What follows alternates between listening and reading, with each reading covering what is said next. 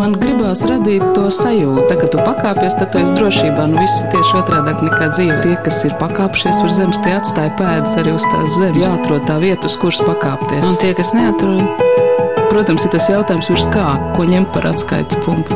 augstāk par zemi. Augstāk par zemi. Augstāk par zemi.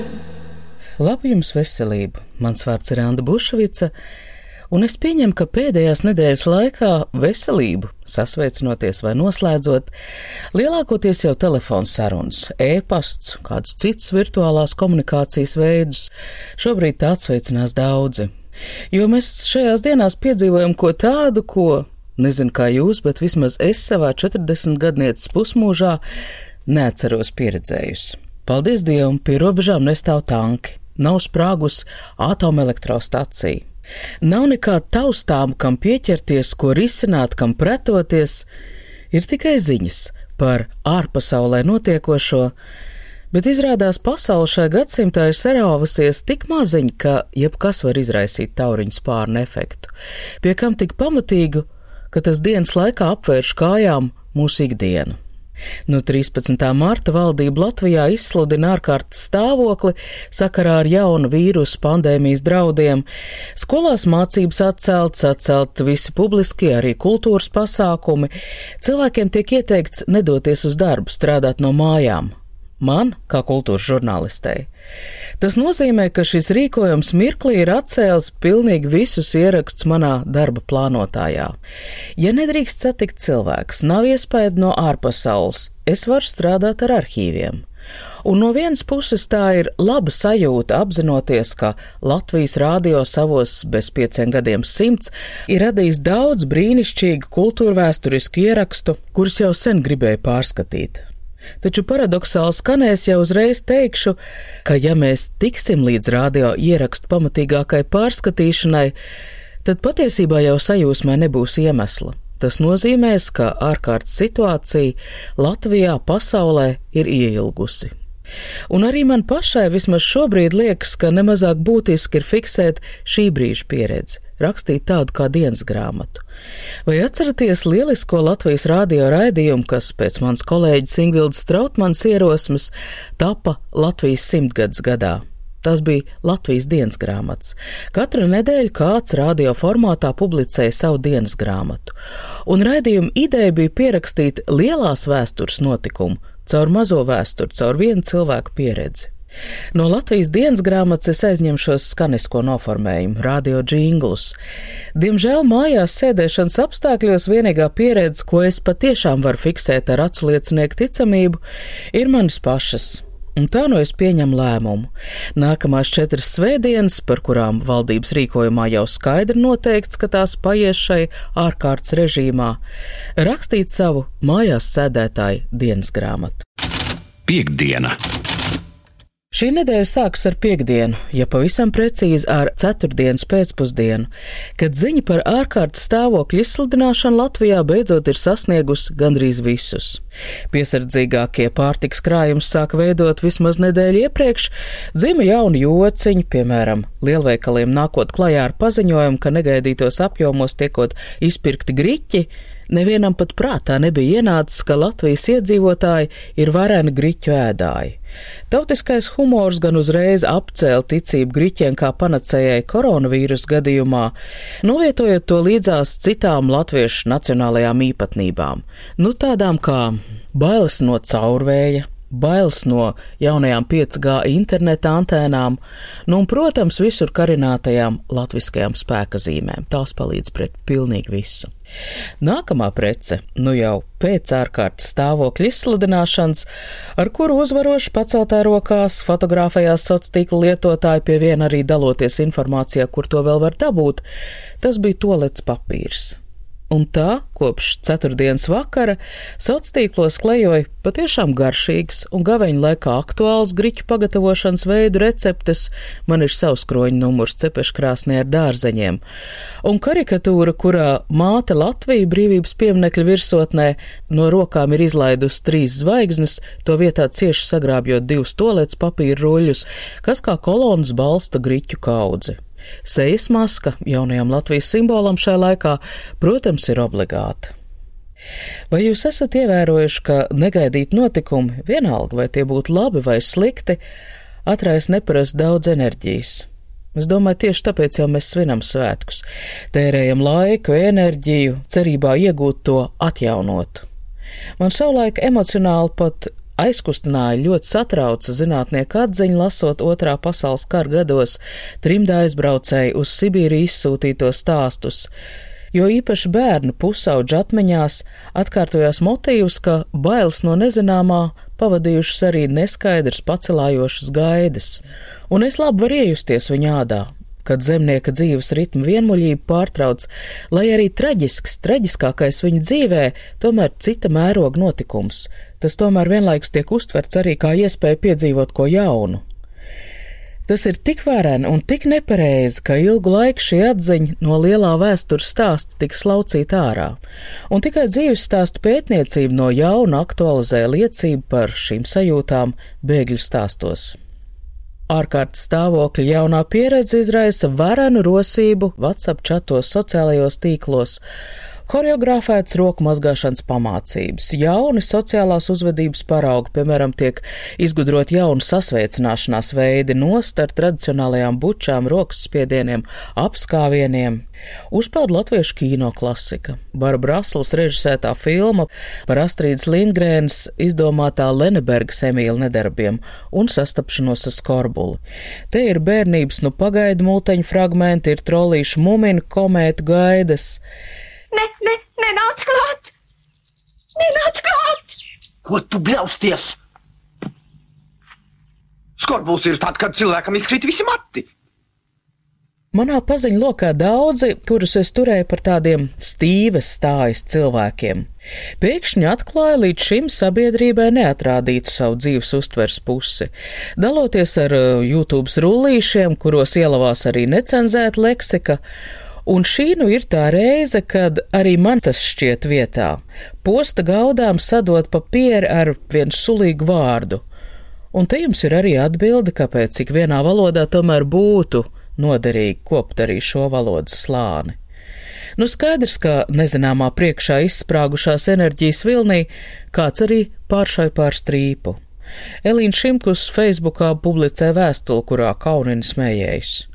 Es tā īsti nejūtos. Manā atskaites sistēmā pašironija, humors ir nācijas veselības pazīme.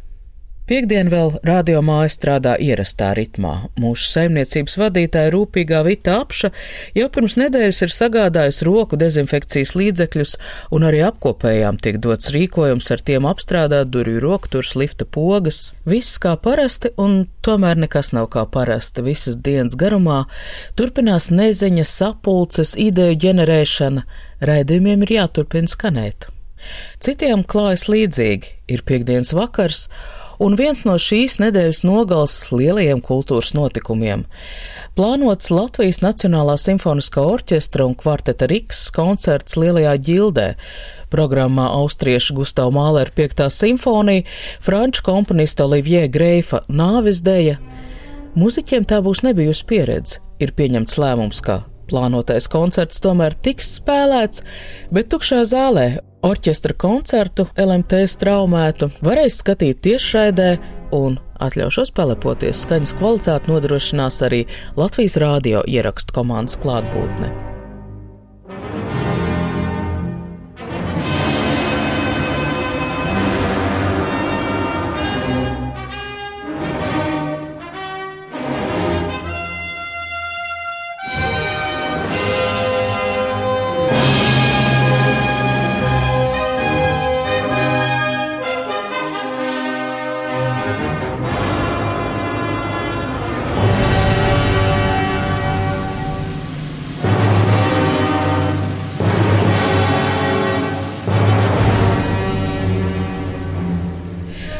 Ideja varbūt pasaules mērogā nav gluži jauna. Ar interesi internetā izpēta, kā darbojas Berlīnas filharmonijas digitālā koncerta zāle, kurā vairums koncertu arī normālā dzīves režīmā tiek filmēti, translēti, un cienītāji jebkurā vietā pasaulē var iegādāties koncerta zāles abonementu. Arī Latvijā ir zināms, pieprasīts ļoti apmeklēts kinoteātros rādītās Ņujorkas metropolitēna operas izrādes. Taču Latvijas mūziķiem šī pieredze ir jauna. Kā skan koncerts bez klausītājiem? Līdzīga pieredze ir jau sporta pasaulē, kur arī sacensības notiek zālē esot tikai žūrijai. Vai sports var pastāvēt bez līdzjūtējiem, vai koncerts iespējams bez īpašās mūziķu klausītāju sinerģijas? Gluži citā jautājumā es šai vakarā zvanu Latvijas Nacionālā simfoniskā orķestra producentei Inesē Lapai, un gluži netīšām esmu piezvanījis brīdī, kad koncerts tik tikko izskanējis. Es viņas balsī jaušu milzīgu aizkustinājumu. Izrādās, ka spēks, ar kuru jaunās pieredzes reižu māktie, varbūt nebija nojautuši, varbūt nebija rēķinājušies pilnībā, ir pati mūzika. Mālers, Greivs, pašus mūziķus aizrāvis tik ļoti, ka viņi esot spēlējuši ar vairāk nekā simtprocentīgu atdevi. Iespējams, ka arī gaisā vēdījošā neziņa hauss ir pie vainas. Mūzika šai situācijai ir attēlpa, kas smieklīgajām griķu tolets papīra raizēm atgriež patieso pasaules mērogu. Es pajokoju, ka šis varbūt bija pirmais koncerts Nacionālā simfoniskā orķestra vēsturē, kurā zālē vismaz neviens neklepoja. Tā, protams, nav vienīgā interneta tiešraides priekšrocība. Līdzīgi kā Berlīnas filharmonijas digitālā koncerta zāle, kā Vīnas opera, šajās dienās daudzi savu koncertu operu arhīvu piedāvā visiem karantīnā sēdētājiem pašizolācijā esošajiem Un arī Māleru un Greifu klausīties varēja ne tikai tie, kam kabatā koncerta biļete. Pāris dienas vēlāk, kad Latvijas Nacionālā simfoniskā orķestra mājaslapā parādās muzikologa Oresta Silabrieža bloks, es uzzinu, ka šo koncertu klikšķinājuši 6000 cilvēku. Sestdiena! Otrā diena, un šodien man nevisai patīk uzturēties sociālajos tīklos. Attapušies no sastinguma, cilvēki meklē piemērotāko tālāk dzīvošanas modeli, un, diemžēl, sāk ar kritiku, ar uzbrukumiem tiem, kuri viņuprāt dara nepareizi. Kāds Āgenskalnā gājis gar bērnu ballīšu rīkotāju bumbu basēns skatlogu, viņš ir šausmās, ka ballīts joprojām notiek.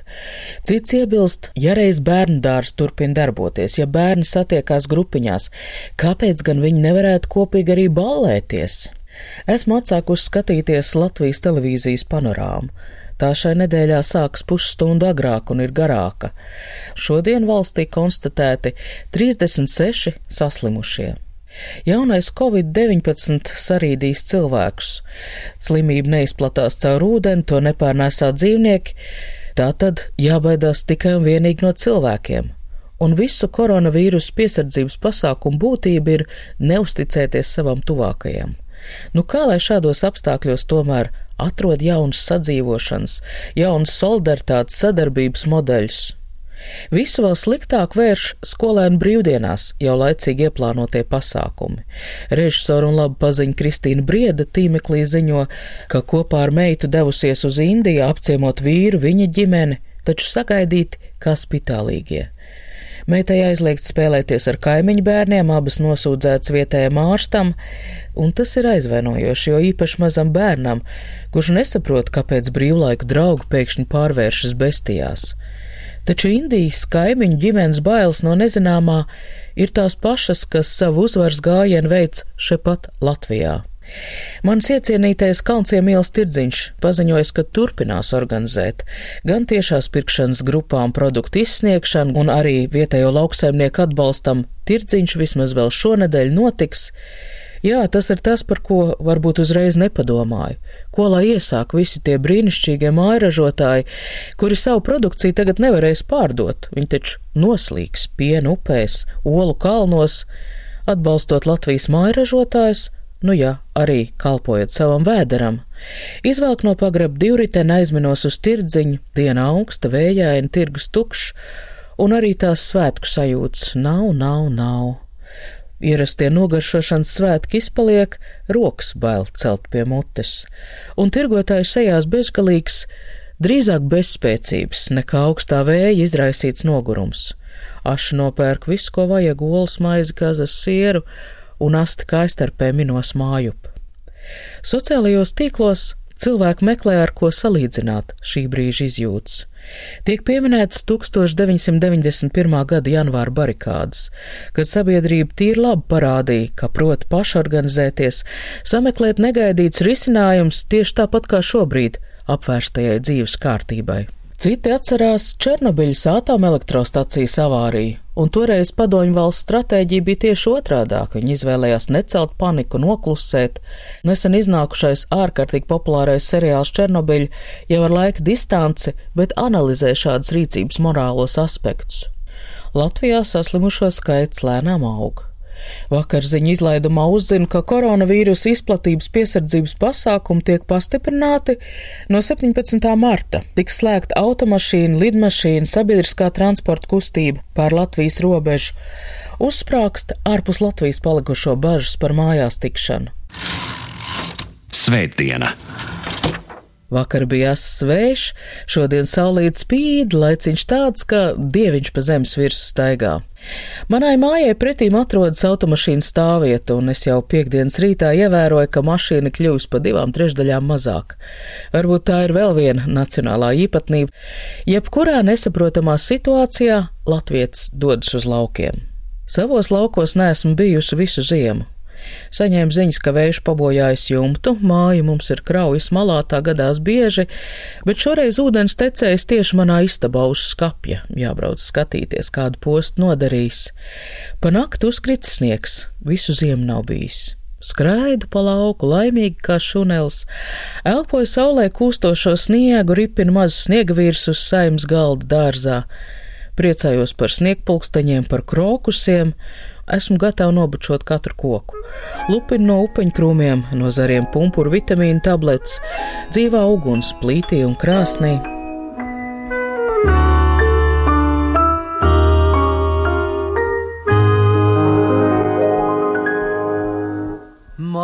Sniega pulkstenītis, maz sniega pulkstenītis, jau klusi vaļā veras pavasaris klāt. Vai tiešām pavasaris klāt, par laukiem saule mirdz, un krūtīs klusi, klusi atplauks sirds.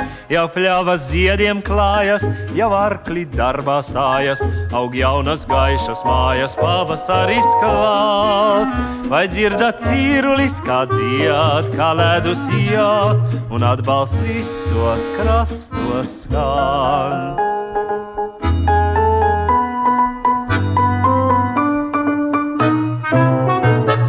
Pavasars, pavasars, klāt ir jaukais pavasars, pirmie saules dienu ziedi plauks.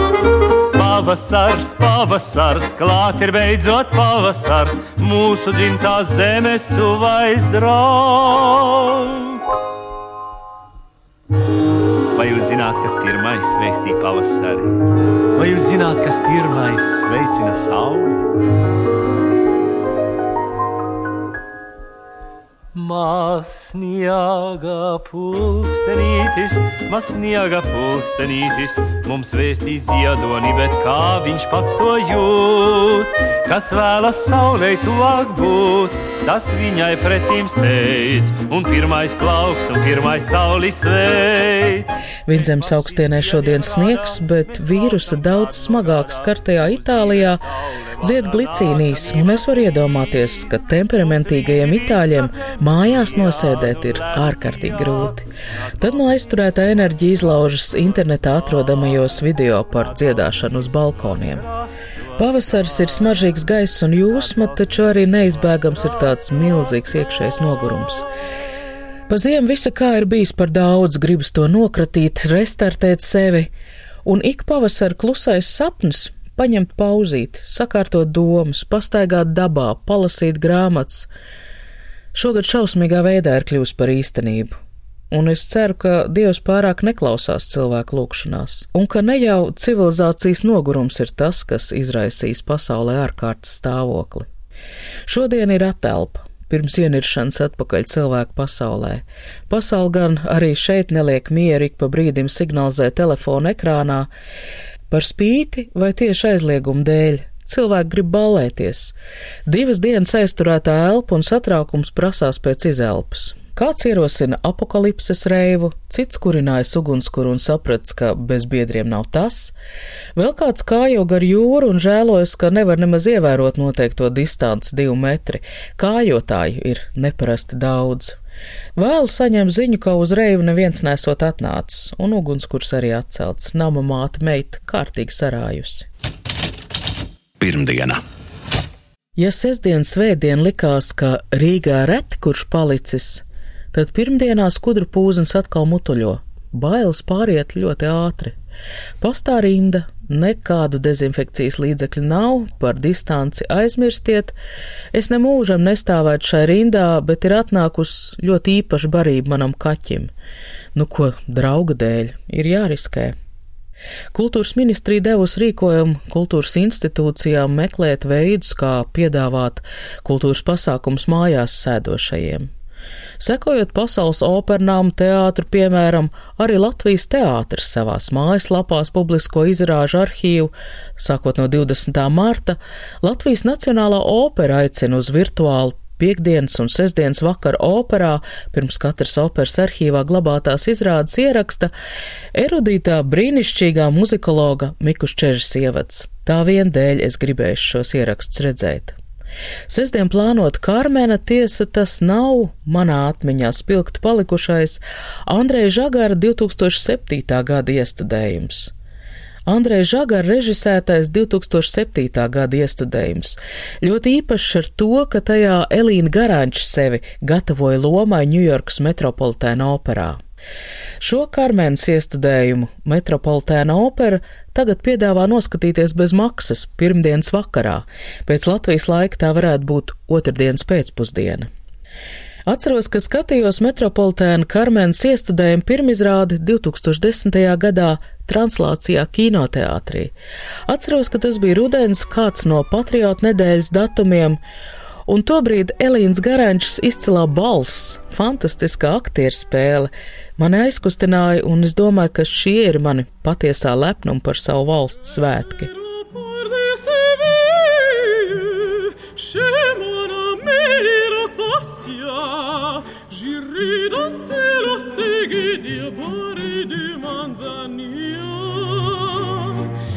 J'irai chez mon ami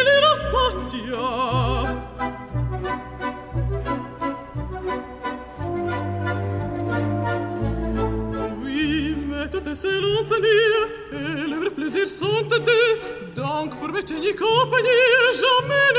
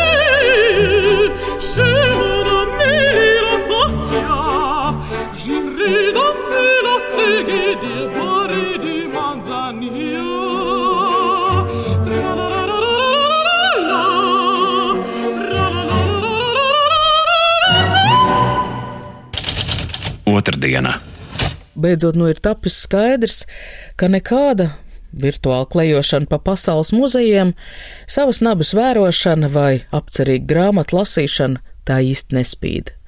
Trieciena tempā nāks apgūt veselu kaudzi jaunu iemaņu.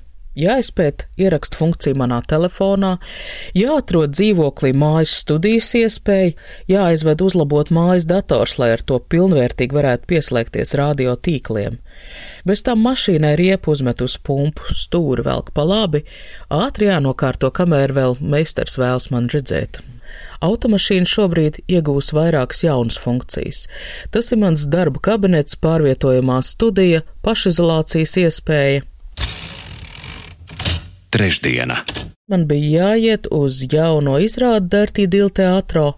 Valters Sīļa un Kats Kroles kopdarbu izskatās, ka tu mirsi. Izrāda, protams, atcelta, smieklīgi, vai ne? Tāpat atcelta Latvijas Kultūras akadēmijas organizētā starptautiskā konference par nāves tēmu, un atcelta tāpēc, ka šobrīd pasaulē cilvēku patiešām daudz mirst. Tās ir tādas neparastas attiecības starp dzīvošanu un kultūru.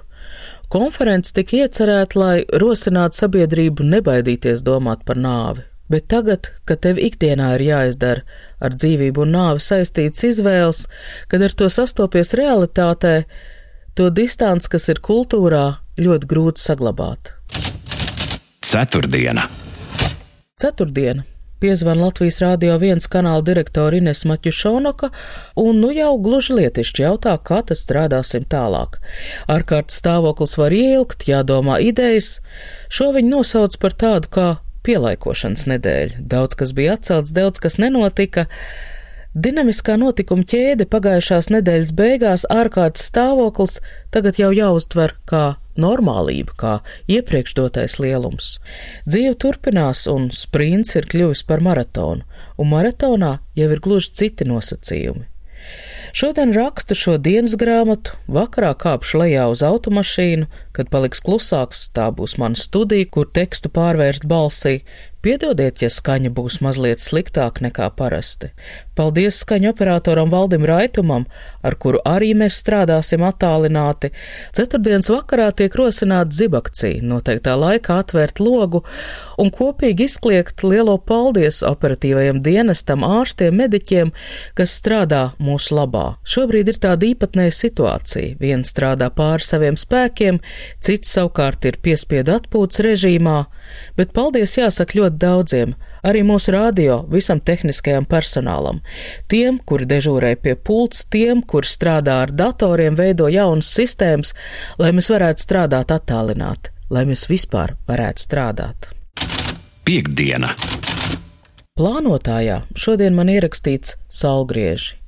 Piecos no rīta diena kļūs garāka par nakti, gaisma uzvar tumsu, 22. martā pasaulē tiek atzīmēta ūdens diena un šajā laikā starp saulgriežiem un ūdens dienu vismaz vienu rītu es ļoti, ļoti cenšos pamosties agrāk un aizbraukt sagaidīt saulēkt kaut kur pie atvērtiem ūdeņiem.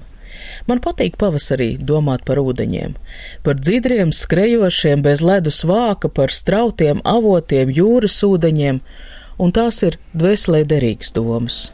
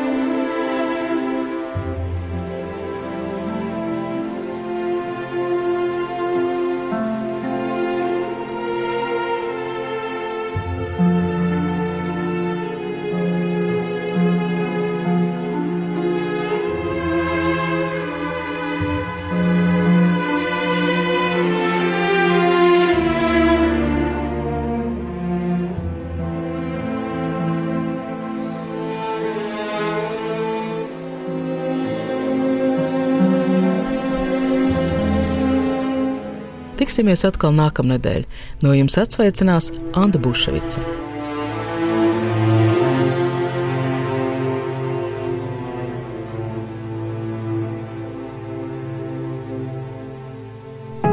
Kad tu pakāpies, tad tu esi drošībā. Nu, viss ir tieši otrādāk nekā dzīve. Tas ir tā spēle, jā? Tie, kas ir pakāpšies virs zemes, tie atstāja pēdas arī uz tās zemes. Protams, ir tas jautājums, ko ņemt par atskaites punktu. Nē, nu, principā ir skaidrs, augstāk par zemi. Jāatrod tā vieta, uz kuras pakāpties. Augstāk par zemi. Augstāk par zemi. Augstāk par zemi.